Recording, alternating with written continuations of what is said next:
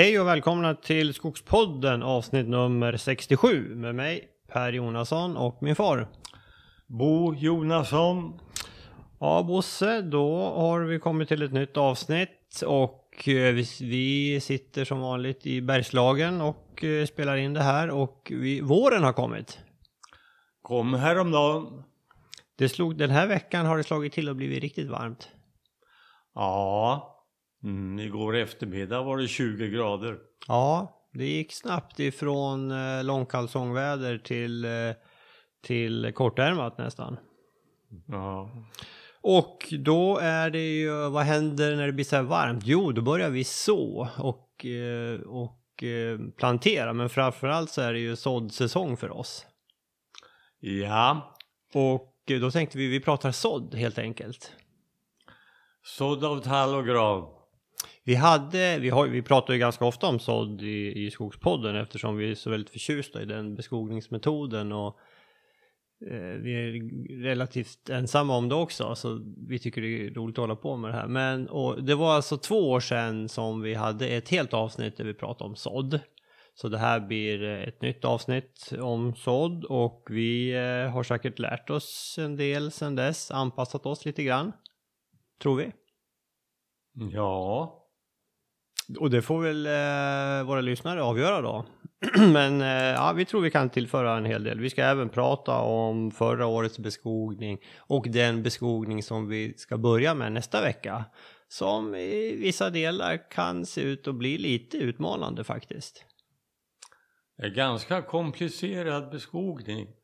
Men vi kan väl säga det också att vi, vi märker ju ett intresse för sådd från våra lyssnare.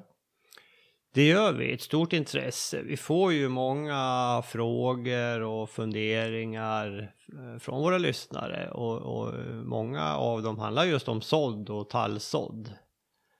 Och det är ju, tycker vi, är skojigt. Och du hade ju varit i kontakt när du handlade frö eh, med vår leverantör att de hade sett ett, ett ökat intresse och ökad försäljning av frö. Absolut. Mm. Ja, kul tycker vi. Eh, Det här sammanfaller ju lite grann, eh, eller tydligt, med granens kris. Jag menar den här, eh, det har ju blivit ökat uppmärksamhet på, på det faktum att stora delar av södra Sverige håller ju på att granifieras. Att det blir granskog från kust till kust. Och så kommer då eh, eh, granbarkborren in i bilden Mm. och eh, skapar ytterligare ett skäl att vara försiktig med att plantera rengran. Ja, absolut. Granbarkborren och, och sen eh, den här hösten har ju varit väldigt stormig också så vi har ju fått en hel del eh, vindfällen och det, det är klart är ju granen utsatt naturligtvis. Ja. Även om tallarna flyger ner också. Och så har vi ju även eh, kronhjorten som är på inmarsch. Ja. Mm. Så hela det här sammantaget gör ju att vår, vår, eh, vår övertygelse om att, att tall är ett eh, träslag att kanske satsa lite hårdare på, tror vi på. ja. Men innan vi går för djupt in i det här Bosse så ska vi tacka vår samarbetspartner Föreningen Skogen. Eh, både du och jag är med där Bosse. Det kostar bara 350 kronor per år och eh, det är en ideell förening så jag tycker att eh, ni ska kika om det här kan vara något för er. Ganska mycket aktiviteter som man får ta del av om man är medlem. Gå in på skogen.se och läs mera om det här erbjudandet. Mm. Då hoppar vi in och pratar om sådd, Bosse. Ska vi, ska vi börja från början och börja prata lite om, om, om, om fröet? Om fröet, ja. Mm. Det här eh, vet jag att du har ganska bra koll på och det här dyker upp som frågor ibland, till exempel grobarhet och kan man spara fröet mellan säsonger? Vad väger fröna och hur förvarar man dem mellan de här olika såddomgångarna som man gör under en säsong? Berätta lite om fröna. Ja, eh, det här är eh, Eh, det lämpligaste sättet att förvara det under såddsäsongen. Det är ju i kylskåp. Eh, när vi köper det ifrån Svenska Skogsplantor så kommer det lufttätt förpackat i fina plastpåsar. Och det här åker direkt in i kylskåpet och finns där då när det inte är i skogen och deltar i själva sådden. Frö är dyrt. Mm. 11 000 kronor kilo kostar det. Mm. Eh, och det går åt eh, överslagsmässigt ungefär 3 hekto per hektar när vi sår. Eh, så att det är lätt att räkna ut den kostnaden. Ehm, eh, eh, fröet är eh, 1000 frö av tall och gran väger cirka 6 gram. Mm. Och räknar vi om det till hur många frön det går på ett, ett kilo så blir det ungefär 170 000. Det är den storleksordningen på det. Mm. Um, eh, fröets grobarhet som vi köper ifrån Svenska Skogsplantor det ligger någonstans mellan 95 och 99 procent. Och det här fröna som vi köper av tall och gran det är alltihopa förädlad vara. De här har ju då producerats i fröplantager som finns ju spridda över landet. Mm. Och det här är Eh, det här är ju förädlingsarbetet med skogsträd har ju pågått under lång tid. Och eh, under tiden har det här utvecklats och man räknar ju nu med åtminstone när det gäller gran en eh, tillväxtökning på det här förädlade materialet jämfört med rent eh, skogsfrö eh, på, hur mycket är det? Eh, någonstans mellan 20 och 30 procent i alla fall. Ja. ja. Den storleksordningen. Den storleksordningen är det. Mm. Mm. Och eh, det pågår ett väldigt intressant utvecklingsarbete, särskilt när det gäller att producera granplantor. Mm. Ja, man har inte kommit riktigt lika långt när det gäller förädlingen av tall. Nej. Nej. Men även där finns det ju en ökad tillväxt. Och en förbättrad kvalitet. Ja, just det. Mm. Mm. Bra, bra. Du, det här med att plocka kott och ta fram egna frön, kan man göra det? Ja, visst kan man göra det. Ehm, eh, Då är det ju det här förädlingen eh, som man går miste om. Men visst kan man plocka kott och Mm. klänga kott och avinga fröna och så det här. Mm. Visst går det? Mm, jag vet att du har ju hållit på att plocka tall. Kan man plocka gran också? Ja, det gör det. Man gör på samma sätt? Ja. ja. Eh, när det gäller kottproduktion så ska man ju komma ihåg det att granen producerar egentligen anständigt med kott bara var cirka vart åttonde år. Mm. Däremellan så, så är det väldigt sparsam blomning och, Mm. och fröproduktion. Mm. Eh, Tallen eh, är det annorlunda med.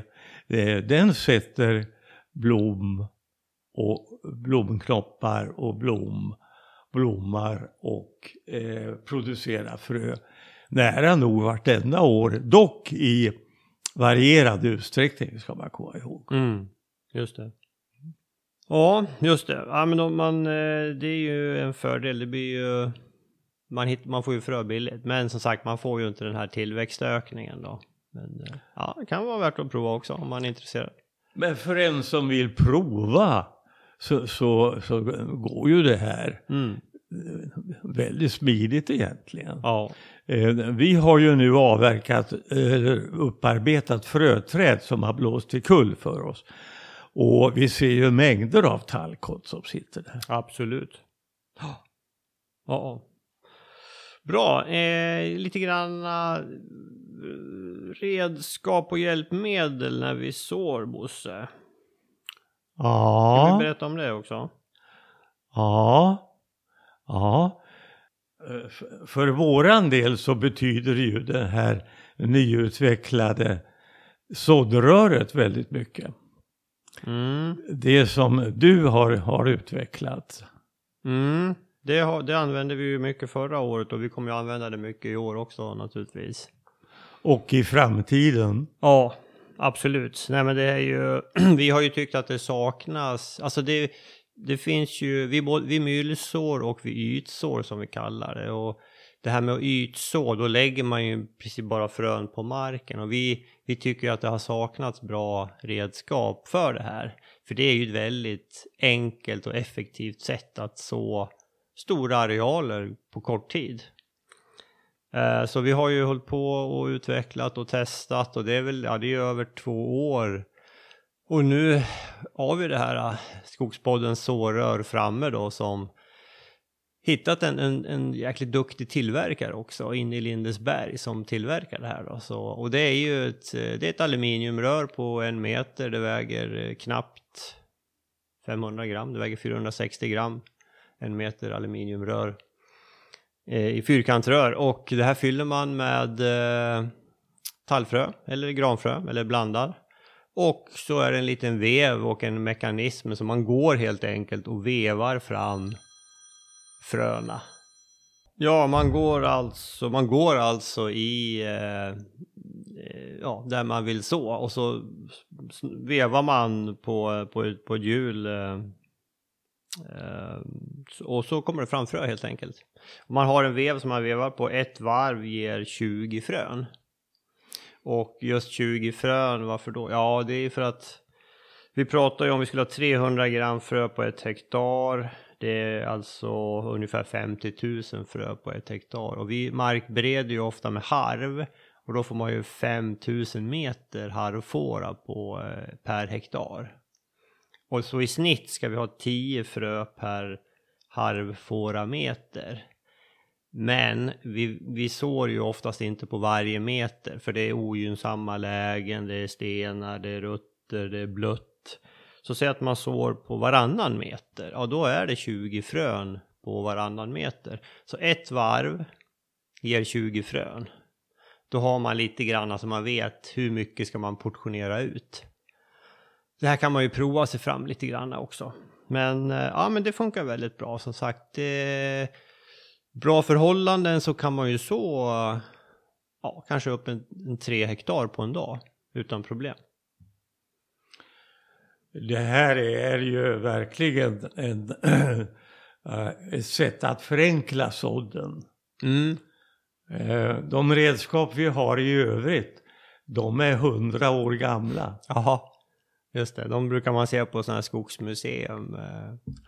Men även de funkar bra. De funkar jättebra, absolut. Ett, jag kan säga ett, ett alternativ eh, om man, som jag läst, eh, många lyssnare hör av sig och berättar, men så här gör vi. Man kan ta en petflaska och göra rent ordentligt och så borrar man hål i kapsylen, i locket. Och så har man den och, och liksom går och skakar den som ett saltkar ungefär.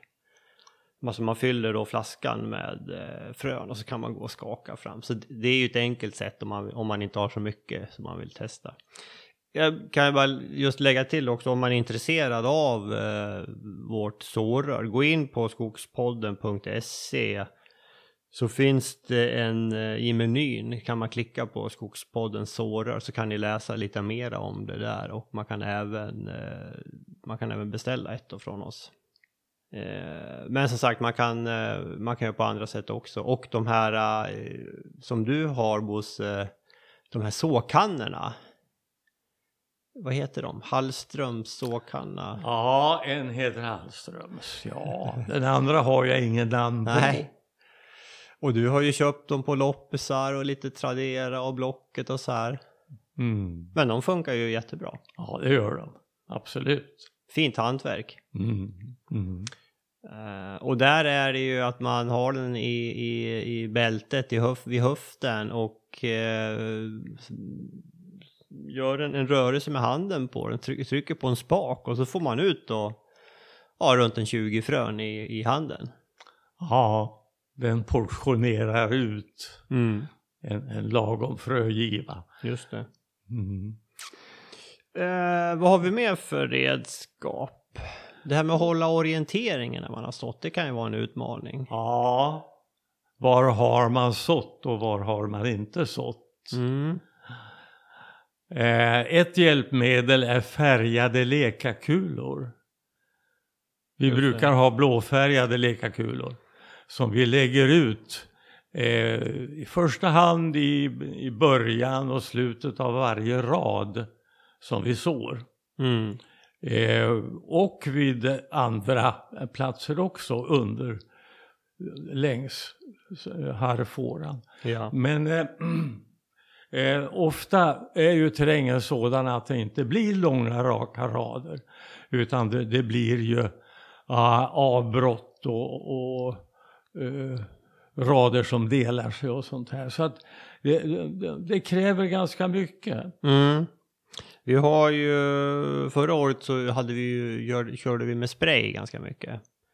Ja, Man, man sätter en sprayburk eh, i ett eh, hölster och så sprayar man orange på där man har gått då. Alltså kanske lite höga stubbar, någon, någon sten högt så här. Och ah, det, det är ju ganska effektivt. ja. Det får man säga. Snitslar har vi också använt. Mm. Det funkar ju också naturligtvis. Mm. Mm.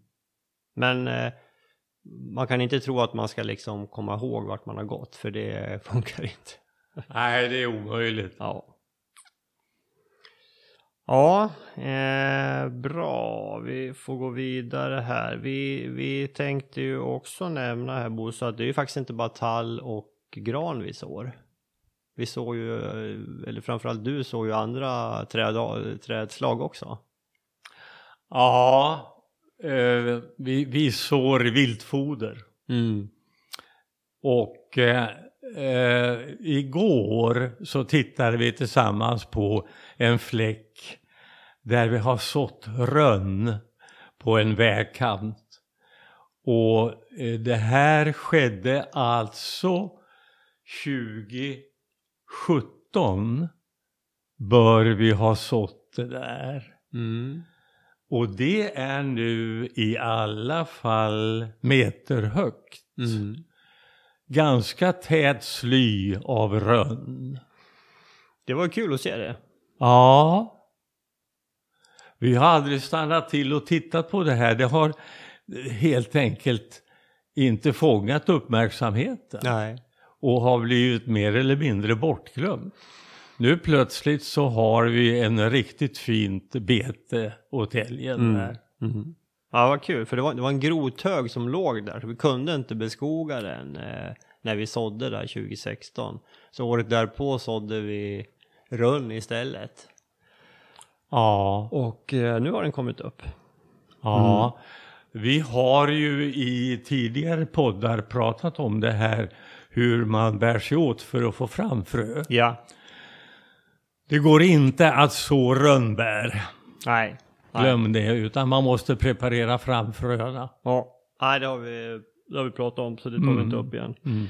Eh, I år kommer vi också att så lite oxel. ja, det är bra. Och vi drar också upp plantor, inte några stora antal, men 80 rönnplantor och 80 oxelplantor kommer vi att, att ha i vårt trädgårdsland. Mm. Mm. Nej men Bosse, ska vi, ska vi... eh, Nästa fråga är egentligen den viktigaste. Var, var, varför sår vi? För vi, det kan man ju, alltså tittar man på statistiken som Skogsstyrelsen har så ligger vi alltså i, i land, hela landet, över 80 procent eh, planteras av eh, beskogningen. Och det har varit en, en stadigt ökande, helt linjär faktiskt, kurva de sista 20 åren. Och eh, naturlig föryngring ligger väl runt 10 procent. Sen är det då sådd och ingen åtgärd delar på de sista 10. Så sådd, det är 3-4 procent som beskogas med hjälp av sådd i landet. Så det är ju väldigt ovanligt. Och var, varför håller vi på med det här Bosse? Ja, det är ju ett sätt att skapa tallskogar och blandskogar, barrblandskogar. För eh, det vi har gjort mest faktiskt, det är att vi har planterat under de senaste 25 åren. Det är att vi har eh, planterat gran och mellan granarna har vi sått tall. Mm. Och det här har, ja, jag kan lugnt säga att det har lyckats över förväntan. Mm. Eh, tidigare så gjorde jag då försök med att plantera tall och gran och blanda på, skapa blandskogar på det viset. Men det, det lyckades aldrig. Nej. Eh, och framförallt var det det att tallarna blev hårt älgbetade. Mm. Och blev de inte älgbetade så växte de ifrån granen. Så att de gick före och blev grogfistiga och fula. Mm. Och det var nog ytterst få som inte blev älgbetade faktiskt. Mm. Mm. Men med den här andra metoden alltså att plantera gran och så tall så har vi, tycker jag, eh, skapat väldigt vackra plant och ungskogar. Mm. Och de äldsta av de här eh, har ju nu under den gångna vintern eh, gallrats första gången. Mm. Så att eh, det eh, är slutresultatet av ungdomsvården av, av den skogen. Ja. Eh, ska vi prata lite grann om, om metoder för sådd? Det tycker jag, men jag, jag tycker, ska vi inte bara lite grann flera fördelar med sådd? Ja, mera fördelar För jag, med sådd. Jag tänker det här med du ja. sa när du planterade tallen, det, det blir beta, det vet Ja. vi. Planterar du 2500 tallar på en hektar, dels så är risken för betning är väldigt stor och dels så vill ju tallen stå tätt för att få hög kvalitet. Eller hur? Den blir, alltså Och det den här når man då när man sår. Just det. Vi vet ju det och det är precis vad forskarna säger om man går in på Skogforsk och, och lyssnar på Märta Wallgren. Alltså ska du, ha, ska du klara en eh, betning i en tallskog då måste du ha 8 till 10 000 tallar per hektar. Då, då blir skadorna procentuellt minst. Då klarar man en betning. Och det, det, det är ju vad vi ser också. Har du sådär mycket planter, även om det betas lite grann, så finns det alltid planter som klarar sig, som kan, som kan ersätta de här betade. Som du, du kan röja bort de betade sen i ett senare skede och ha kvar fina stammar. Så det är ju fram, det är ju framförallt en kvalitetsfråga att vi, att vi sår, är det inte det? Jo, men visst är det det. Men, men det, man kan också se det som en, en, en insats eh, i miljövård, för miljövården. Mm. Alltså rena granskogar, eh, det, det, det, är, det är inte vad, vad svenska folket vill ha. Nej, det är inte vad klövviltet vill ha heller. För de Nej. vill ju ha bäris och, och ljung och det får man inte i granskog. Men i tallskog får man det. Ja. Mm. Mm. Så det, är- det, det är mycket som, som pratar för att dra upp fina tallskogar. Mm. Eh, när, vi, när vi pratar om fördelar Bosse, ska vi nämna vad finns det för nackdelar och så jämfört med att plantera? För det finns det ju. Kanske en något mer komplicerad skötsel. Man måste ju välja då mellan tall och gran när man röjer. Mm. Men eh, det får man stå ut med. Eh, ja, det blir lite mera skötsel. Det finns ju, men det finns ju vissa risker med själva beskogningsmetoden också tänker jag. Ja, Med sådd. ja med sådden. Ja, men, eh, du och jag, vi betraktar ju ändå sådden som en, en säker metod. Den, den stora faran egentligen när man sår, det är uppfrysning. Mm. Om man sår på felaktig mark. Mm. Om man sår på finjord, rik, ah, rostjord, då kan man få förödande uppfrysningar. Mm. Så man måste vara uppmärksam på det. Just det. Och det här observerar man bäst om man har markberett och så, och så går man på hösten och kikar på det här när första frosten kommer för att se om det blir någon uppfrysning då. Alltså året innan sådd. Helt rätt, det är så man ska göra.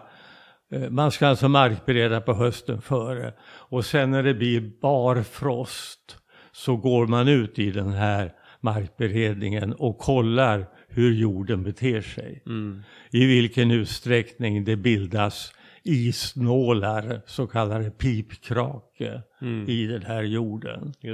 För att sådana fläckar ska man inte så. Nej. Och när man, när, när man sen utför den här själva sådden så gäller det ju när man går längs en uh, markberedd rad att välja rätt fläckar att lägga ut fröna. Mm. Och de bästa fläckarna det är där blekjorden finns kvar. Och där det gärna är lite humus också. Ja. Alltså blekjord och humus i ytan. Mm. Där kan man lugnt lägga ut sina tio frön eller vad det nu kan vara. Mm.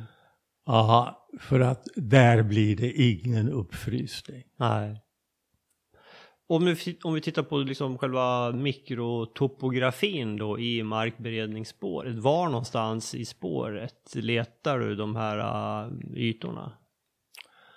I kanten, Mm. eh, alltså inte mitt i få, fåran där den är som djupast. Det kan vara, eh, vara blekjord och humus där också. Men oftare är det nog i sluttningen ifrån den här djupaste fläcken Mm. upp emot kanten på markberedningsfåran. Mm. Och eh, det, det här är ju den stora fördelen när man sår med, med den här manuella, manuella metoden. Att man väljer den här fläcken där det är optimalt. Ja. Ja, det missar man ju om man, om man gör en maskinell sådd som också finns då. Då, då sprids ju fröna ut bara. Då har man inte kontroll på exakt var de landar. De hamnar slumpmässigt. Men vi, eh, vi, vi, man tycker man kan prova den metoden ändå. Det blir något ja, dyrare då kanske för man, man får, eh, alla frön kommer inte i gynnsamt läge men eh, kan vara en bra metod ändå alltså. Maskinell sådd, ja. Ja. I det storskaliga skogsbruket så tycker jag det är väldigt naturligt att, att man gör det.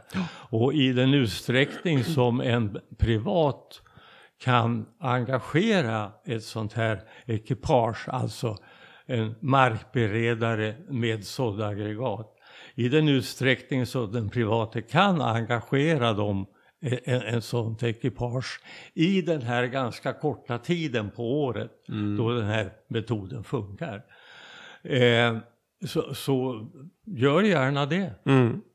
ja vi har ju pratat om eh, att vi skulle prova det men vi har inte lyckats få tag på någon maskin eh, på våren. Och så har vi Nej. vägarna, vägarna som inte bär heller. Nej, Nej det, det finns komplikationer. Eh, och det här att så med det här såddröret, det går ju så snabbt. Ja, det gör det. Visst, det går väldigt smidigt. Mm. Det var ju ytsådd Bosse. Myllsådd då? Vad, hur gör vi då? Ja, visst. Vi har ju myllsått mycket. Det var ju det vi började med. Mm. När vi började så överhuvudtaget. Då har man en liten hacka och sen så har man en av de här antika sågkannorna. Kanske i bältet på vänster sida. Och sen så går man längs markberedningsfåran och gör i ordning en liten såddbädd med sin lilla hacka. Och så lägger man fröna där och gör en lätt myllning. Myllning som ska vara max 5 millimeter. Eh, det innebär alltså att man blandar egentligen frö och jord Mm. eh, i ett skikt på med tjockleken 5 millimeter eller någonting sånt där. Ja. Och, och då har man en väldigt säker metod. Den ger ju en högre grobarhet än, än eh, ytsådden. Ja, den ger mycket plantor alltså. Mm. Men, men betydligt mera jobb då. Ja. Men som förra året, där var det ju ett parti som var stenigt och dant. Kommer du den där lilla höjden, där gick ju du och myllsådde. ja, visst. Nej, det kan vara väldigt jobbigt alltså. Ja.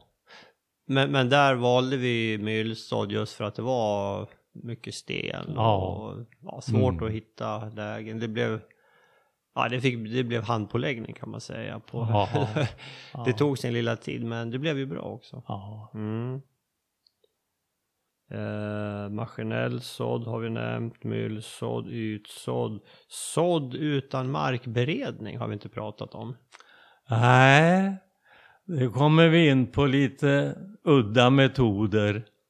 Mm. Eh, vi har alltså tillämpat det, vi har genomfört det.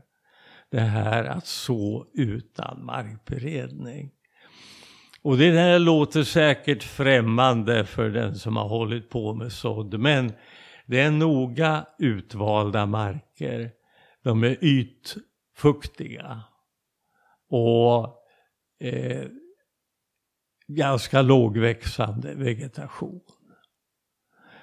Och eh, där lägger vi bara ut fröna i mosstäcket. Mm. Och det här har ju gett bra resultat. Ja. Men det går inte upp bland blåbär och, och, och lingon och ljung. Nej. Eh, då, då, då är det bortkastade frön. Mm. Men det här är alltså mossor som dominerar. Ja, framförallt vitmossa har, du nämnt tidigare. Men vi har ju även sett att det kommer i andra mossor. Ja, jag har alltså blivit försiktigare med att prata mycket om det här med vitmossor. För, för vitmossorna kan vara så olika. Mm. Eh, i den torka som råder ute nu så, så håller vitmossorna inte alls fukten som den kan göra under lite mera varierande väderlekstyper. Eh, eh, så att eh, eh, det här eh, idealet det är inte stora vitmosstuvor faktiskt. För vi fick ju en uh, lyssnarfråga på det. Vad gör man när vitmossan torkar? Ja, just det. Då, då, då ligger ju fröna inne i en, ja, vad ska vi likna det vid? En, ja, det, det är en, en fluffig massa. Mm. Ja, är den torr så är den kanske inte så fluffig. Eller ja, den blir ju liksom, den kan ju bli hård nästan. Ja, ja, ja.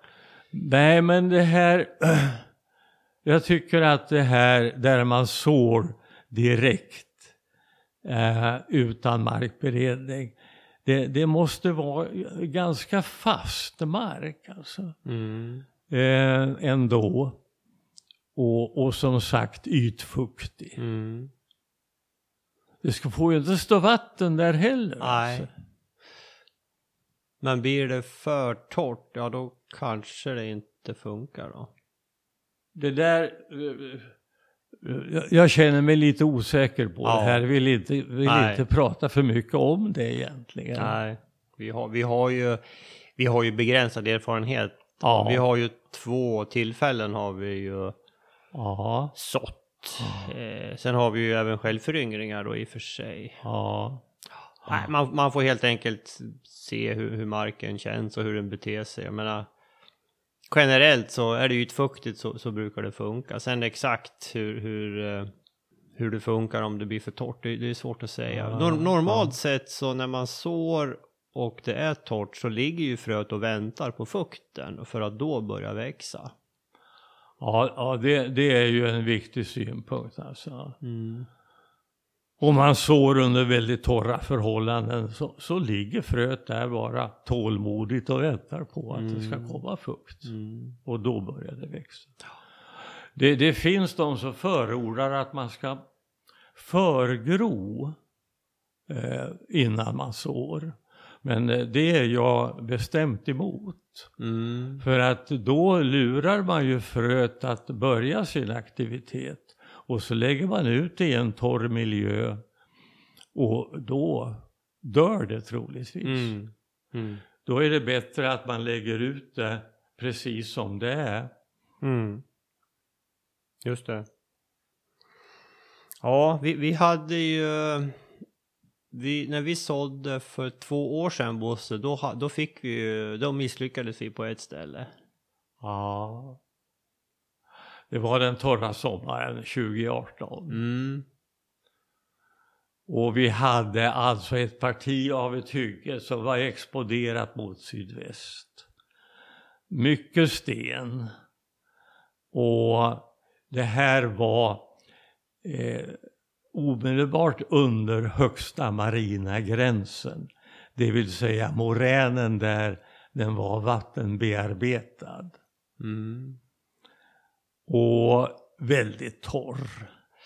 Ja, det var ju nästan grus. Ja. Ja. Det var dåligt med humus. Ja, ja den lite steril nästan. Ja. Ja, och eh, där misslyckades sådden. För där ytsådde vi först då. Ja, eh, början på maj någon gång. Men det fina är ju med sådd att man ser ju resultatet ofta efter bara en tre veckor. ja, Så hel, på hela det hygget såg det ganska bra ut, men just den här sluttningen mot sydväst, just där, ja, där såg det dåligt ut. och då myllsådde vi där. Det gjorde vi. Då tog vi det partiet och myllsådde. Mm. Och nu, var, nu har vi ju sett att efter det kom det ju upp. Vi var ju där häromdagen bara. Nu, nu kommer det ju bra med frön där. Eller med, med skott, metall, med plant. Det, det är rikligt med plantor. Ja, Mm, mm. Mm. så det är ju en, en, en grej man kan tänka på när man sår. Att eh, kolla resultatet efter tre fyra veckor. Då bör man se eh, resultat. Och ja, känner man på sig då att, att eh, det inte har gått vägen. Ja, då, då har man sått tidigt första gången så har man ju en chans att kompletteringsår redan samma säsong. Det här finns ju dokumenterat i en av våra Youtube-filmer på nätet. Ja, det gör det. Eh, och det är från 2016. Som också var ett torrt år. Eh, ja, men vi har nog inte filmat någonting då. Men där vi hade ring, ringat in datorna. ja, där men det bilderna var tagna. Ja, men det är ju bara foton. Det är, det är inte från någon film. Nej. Nej, riktigt. Det är, det är ju en se- serie bilder. Ja. Ja, Däremot där. har vi har såddfilmer från eh, 2018. eh, Mm. Dels när vi sår och dels en uppföljning av den sådden. eh, Vi var där i augusti och filmade.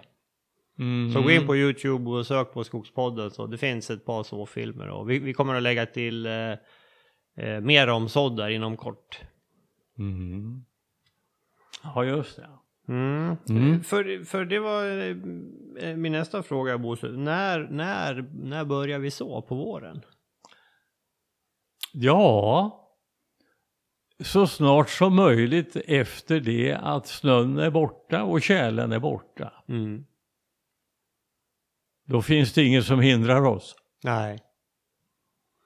Utan vi ser väl det som en fördel att komma igång tidigt. Just att det är ju, det är ju fortfarande lite fukt kvar i marken då efter vintern, förhoppningsvis. Ja, Och sen då att man redan efter tre veckor vid gynnsamma förhållanden och ser resultatet. eh, omkring första juni ska man, med, är det väldigt tydligt i alla fall hur årets sådd har gått. Om man har börjat i april. Mm. Och då har man chans att göra den här kompletteringen som vi gjorde 2018. Alltså. Ja. När bör man ha stått klart? När bör, stått klart. Mm. Jag tycker att man ska sikta på att 15 juni ska vara sista, sista dagen. Och då pratar vi ju mellan Sverige. Ja, det gör vi förstås. Så är man uppe i eh, Norrland så har man lite längre tid på sig. Ja. Mm. Mm. Bra. Vilka marker sår vi? Ja, visst är det. Alltså normalt sett så, så sår man ju tallmarker. Det man traditionellt har ah, kallat för tallmarker. Mm. Eh, det, det, är alltså lite, lite magrare marker. Eh, inte riktigt bördiga granmarker utan, eh, utan, utan tallmarkerna. Utan att vi går in för djupt i vad, vad det innebär. Men eh, det, det, är alltså, vegetationen är, är gärna, mycket gärna lingon. Med lite insprängda lavar.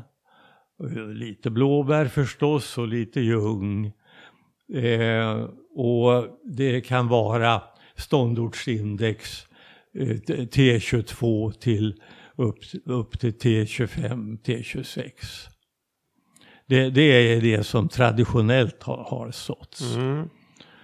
Eh, nu har ju vi faktiskt eh, gått vidare här så att vi använder ju den här kombinationsmetoden med planterad gran och sådd tall på mycket bördigare marker än så här. Mm. Vi är uppe på, på G30 och har lyckats väldigt väl med det.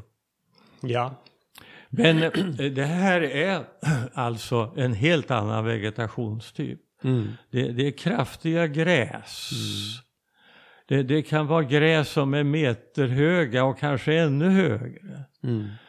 Och även där har vi alltså lyckats att få upp ganska rikligt med tallplantor mellan granarna. Mm. Ja, vi, vi var ju och tittade på ett par här i, ja det var väl igår.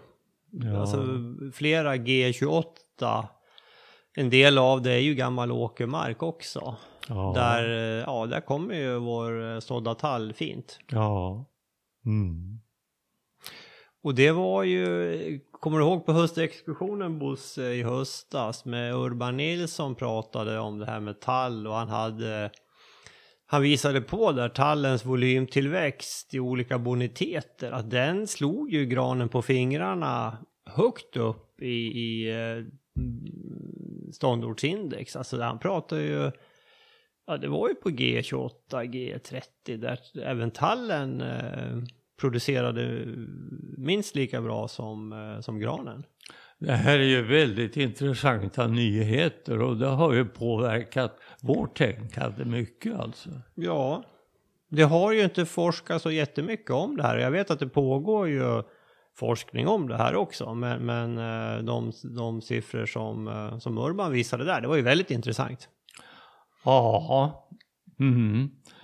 Och, och jag, jag, känner att det här är ett starkt skäl att fortsätta med den här metoden eh, på de här markerna. Alltså, eh, låt oss säga eh, det som är över G26. Mm. In, inklusive G28 och G30. Att plantera gran och så tall. Sen kan man ju laborera då med liksom fördelningen. Hur tätt ska man ha mellan granarna? Jag menar, är det riktigt bördigt, ja men då kanske man ska ha lite tätare mellan granarna. Det, det, det kan man ju göra. Mm. Men definitivt se till att få jobba på en blandskog. Ja, det här har ju så många fördelar alltså. Visst har det det. Mm.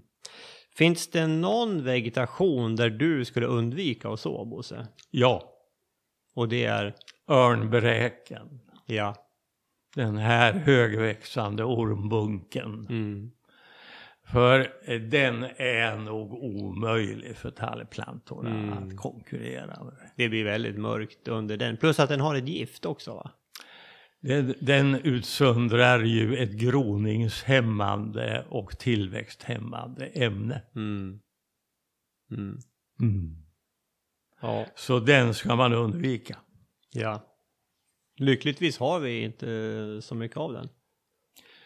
Nej, nej det, det är bara små fläckar egentligen. Mm. Men eh, är vi nere i eh, sydligaste Sverige så, så är det ju mera av det här. Vi har ju stött på mm, skogsbrukare som har berättat att de har mycket sånt här. Ja. Och då, då Ja. det är ju naturligtvis, ja det är stentufft. Mm. Jaha, eh, ska vi prata lite om, bara nämna förra årets sådd, hur den har gått och lite grann om årets sådd, vilka utmaningar vi ser. Eh, årets, eh, förra årets sådd, eh, den, det var ju en riktigt stenig morän. Bitvis i varje fall, ja. Ja, i ganska stor, stor utsträckning tror jag man kan säga att det var. Mm. Det var, ja, det var klart stenig. Men det sådde ju vi med såddrör. Mm.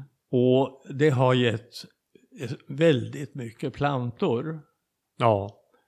Fräscha, fina eh, tallplantor. Ja, det var, det var du och jag och Claes som, som sådde det mesta där. Du gjorde ganska mycket myllsådd och jag och Claes gick och ytsådde.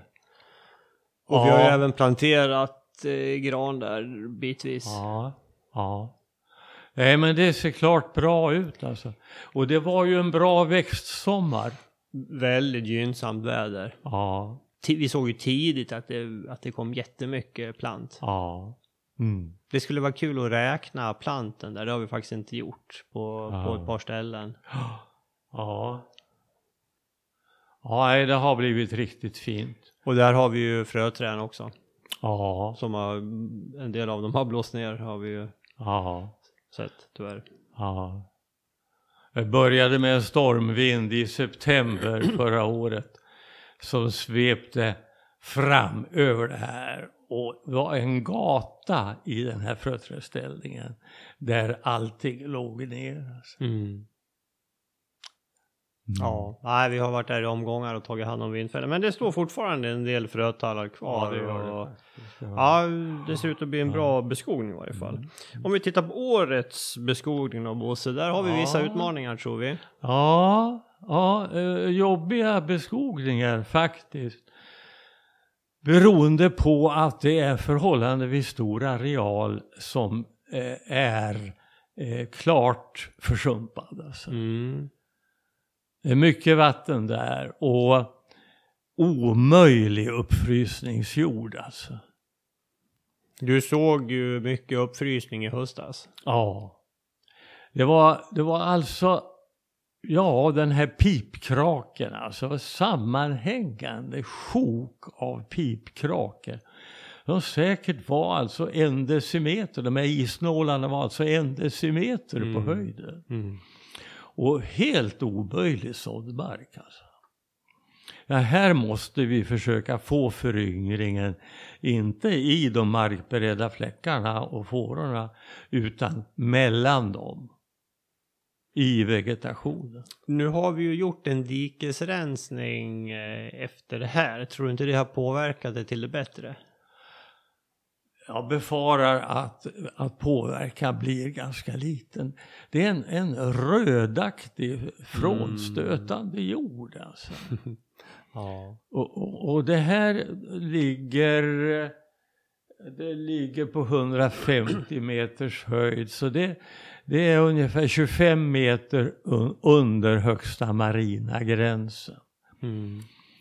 Eh, Så att det här är ju då material som har tvättats ur de lite högre liggande morän, med moränerna här.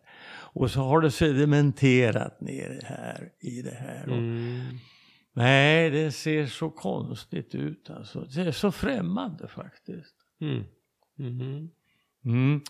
Men eh, alltså, det kommer att bli skog där också, men det, det kommer troligtvis att ta en viss tid.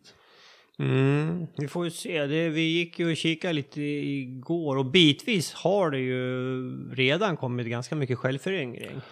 Ja då, ja då. Nu, nu, nu tänkte inte jag på det vi såg igår utan på mm. det här vi, ett annat hygge längre som ligger ja. längre söderut. Ja, okay. mm. Men eh, eh, en sak lärde vi oss att den här marken den kommer vi i fortsättningen att föryngra med en kant, en kantföryngring. Mm. Det är någonting vi har pratat om lite grann på sistone, försöka jobba lite mer med kantföryngring. Ja. Mm. Eh, jag tänker mig här att man hugger kanske en 30 meter uh, eh, 30 meters hygge, bredden 30 meter. Och en, en rimpa då som går i norr och söder. Så att väster om så har vi eh, tall och granskog mm. som producerar frön och som sprids över den här 30 meters ytan. Ja. Mm. Och sen efter ett antal år så kan man flytta den här kanten i väster ytterligare kanske 30 meter. Mm. Och på det viset successivt föryngra den här marken. Mm. Det här är inga stora arealer, så det, det här är hanterbart alltså. Mm. Det skulle vara intressant att prova. Ja, och vi, vi, vi, kommer inte att ställa fröträd på de här markerna för de står inte tillräckligt stadigt. Nej, och har man bara 30 meters bredd då behövs det ju inte. Nej, då behövs då, då har man ju föryngring från kanten. Ja, mm. helt klart alltså. Mm. Ja. Så det får nog bli modellen här alltså. Ja.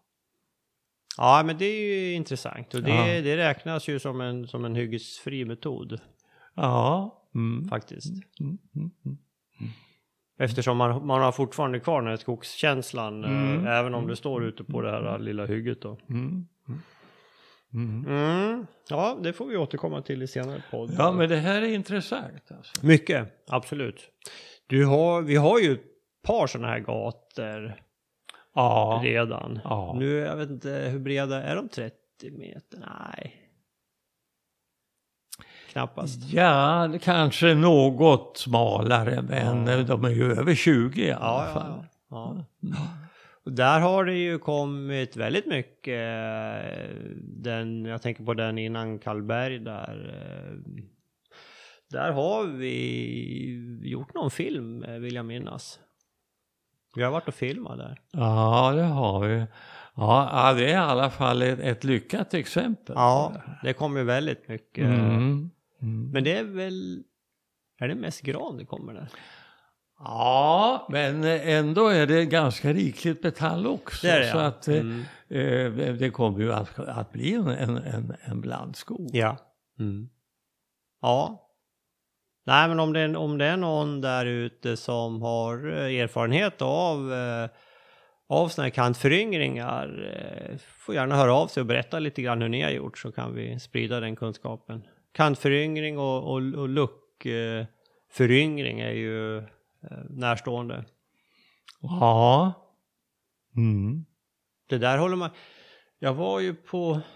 Man håller på och forskar om det där. Jag har varit och sett några sådana försöksytor när jag gick de här kurserna på Linné. Visade upp sådana här äh, luckor då. Det är ju... Problemet med sån forskning är att det, det tar ju så väldigt lång tid innan man ja, ser några resultat som man kan dra några fasta slutsatser av. Men eh, ja, det, det här går ju säkert ja. att göra. Mm, mm, mm. Mm, mm. Bra, nu har vi pratat mycket sådd. Är det någonting Bosse som vi inte har nämnt?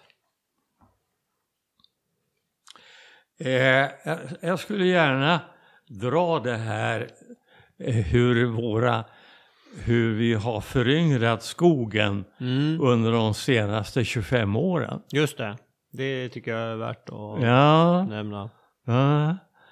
Eh, alltså ifrån 1996 och fram till och med 2019 så har vi slutavverkat och beskogat i stort sett 100 hektar på Gusselborg. Mm. Eh, och naturlig föryngring av det här är 12 procent. Mm. Och då är det just den här typen av ytfuktiga marker som är så fina. Alltså. Där vi får en tät naturlig föryngring. finns ingen sådd och ingen plantering i världen som är bättre än det där. Alltså. Det finns ett oändligt mycket plantor. Mm. Eh, sådd, ren sådd, eh, tallfrö med en viss inblandning av gran har beskogats, har använts på 27 procent av det här. Mm. Renplantering och, och då är det fråga om gran. Det är 5 procent. Och plantering plus sådd, alltså kombinationsmetoden, 56 procent. Mm. Eh, alltså, jag tar siffrorna en gång till. Naturlig föryngring 12 procent. Ren sådd 27 procent. Ren plantering 5 procent. Och plantering plus sådd 56 procent. Mm. Eh, så här åstadkommer vi mycket blandskog. Alltså. Ja. Och det här är ju någonting vi ser, avser fortsätta med naturligtvis. Ja, i huvudsak. Mm. Men vi försöker ju lära oss nya saker under tiden. Ja, absolut. absolut. Och så har vi ju faktiskt anlagt eh, på liknande sätt nere i Småland också. Men de finns ju inte med i de här siffrorna. Nej. Nej, där, men där har vi ju en, en stor eh, sådd där vi har planterat gran och sått tall som, eh, som ser väldigt fin ut. ja. Och det har klarat sig från svår viltbetning. Mm. Ta ett trä. Ja. So far. Ja, är knappt man vågar Nej, prata det om är det. Mm. gränsen. Mm. Vad bra. Nej men det är väl... Eh, jag tycker vi har pratat mycket sådd nu. Hoppas att vi har varit någorlunda tydliga. Vi har ju, det här är ju det vi säger nu, vi har ju pratat om det tidigare, men det, det tål att upprepas. Eh, Och det här är väl just den här tiden på året också. Är det ju extra intressant. Nej, men ha det här med såddalternativet i, i ha med det i Mm. beslutsfattandet. Mm. Alltså. Och vill man inte, är man lite osäker, vill prova sig fram, ja varför inte plocka lite kott och, och kläng hemma då? Lägg dem varmt och torrt så öppnar de sig. Och så skakar man ur fröna och sen så lägger man de här som är med vingar då på, du sa på någon fuktig yta, typ någon lakan eller dylikt. Ja, man kan alltså blöta det här för att eh, frövingen sitter ju kvar i det här skedet. Och för att kunna hantera det så bör den där bort. Ja. Men fuktar man det här och, och sen låter det torka, då lossar frövingen. Då lossar den. Just det. Och sen kan man till exempel med en, en hårtork blåsa bort vingarna Ja, medan fröna ligger stadigt kvar. just det. Ja, det kan vara ett enkelt sätt att prova. Ja, ja, ja. Vi har inte nämnt att man ska vara, hantera fröna varsamt. De Ja. tål inte Nej. för stora stötar. Absolut värt att eh, ha i kunskapsbanken. Mm.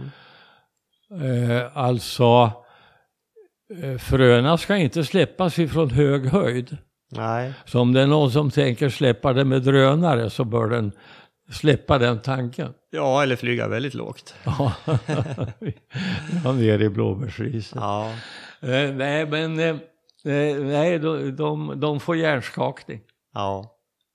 Och det är därför de har vingar också så att de Ja. liksom seg, seglar ner. Mm. Mm. Mm. Ja men bra. Jag tror att vi eh, nöjer oss där. Vill varna för redskap som eh, är en kombination av hacka och, och, och, och sådd eh, fröförråd. Mm. För att där blir faktiskt, där kan i värsta fall fröna bli misshandlade. Mm. Ja, man får hantera dem varsamt. Ja, får använda det där med, med förstånd. Mm. Eh, ska vi säga vad, vad såddröret kostar? Mm. Ja, det kostar knappt eh, 2 500. 2496 kronor plus frakt då. Och kan köpas av Skogspodden. Ja, gå in på Skogspoddens hemsida då, skogspodden.se och där finns en, eh, i menyn finns en flik som heter Skogspodden sårör. Där kan ni läsa lite mer om röret och eh, det står hur man beställer. Det finns även en liten... jag har skrivit en liten instruktion, eh, dels om röret och dels ja, hur vi ser på sådden då. Det är delvis det vi har pratat om idag. Den finns att ladda ner där också, kan man gå in och ha den som inspirationskälla. Jag menar det här är ju, det som vi säger om sådd, det är ju liksom inte, det är ju vårt sätt att se det på, det är ju liksom inte facit. Det, man kan, det är ju, att bruka skog, man kan göra på många sätt, det finns inte ett, ett sätt att göra, men det här är vårt sätt som vi tycker funkar bra. Men eh, det finns naturligtvis andra sätt också. Ja. Mm. Eh, Det, det måste man ha med sig. Bra. Något mer att tillägga Bosse? Eh, det var kanske allt för idag. Jag tror det. Vi har ju hållit på en dryg timme så det är Korsta. tiden går fort. Korsta. Innan vi slutar helt vill vi eh, tacka vår samarbetspartner eh, Föreningen Skogen. Eh, gå in på skogen.se och läs lite mer om vad föreningen gör och hur den är organiserad. Det är ju en ideell förening. Där både Bosse och jag är med. Bra, men då hörs vi igen då om eh, cirka fyra veckor böcker. Eh, följ oss gärna på... Vi finns ju på Facebook, Instagram också och eh, jag har även en blogg på atl.nu så man kan läsa lite grann om vårt eh, skogsbruk. Det kommer att bli en hel del beskogning kommande veckor tror jag. Om man har tröttnat på att läsa om vindfällen så ska det bli lite förändring där. Och eh, tack för att ni lyssnar. Tack från mig också. Vi hörs på återhörande. Hej då!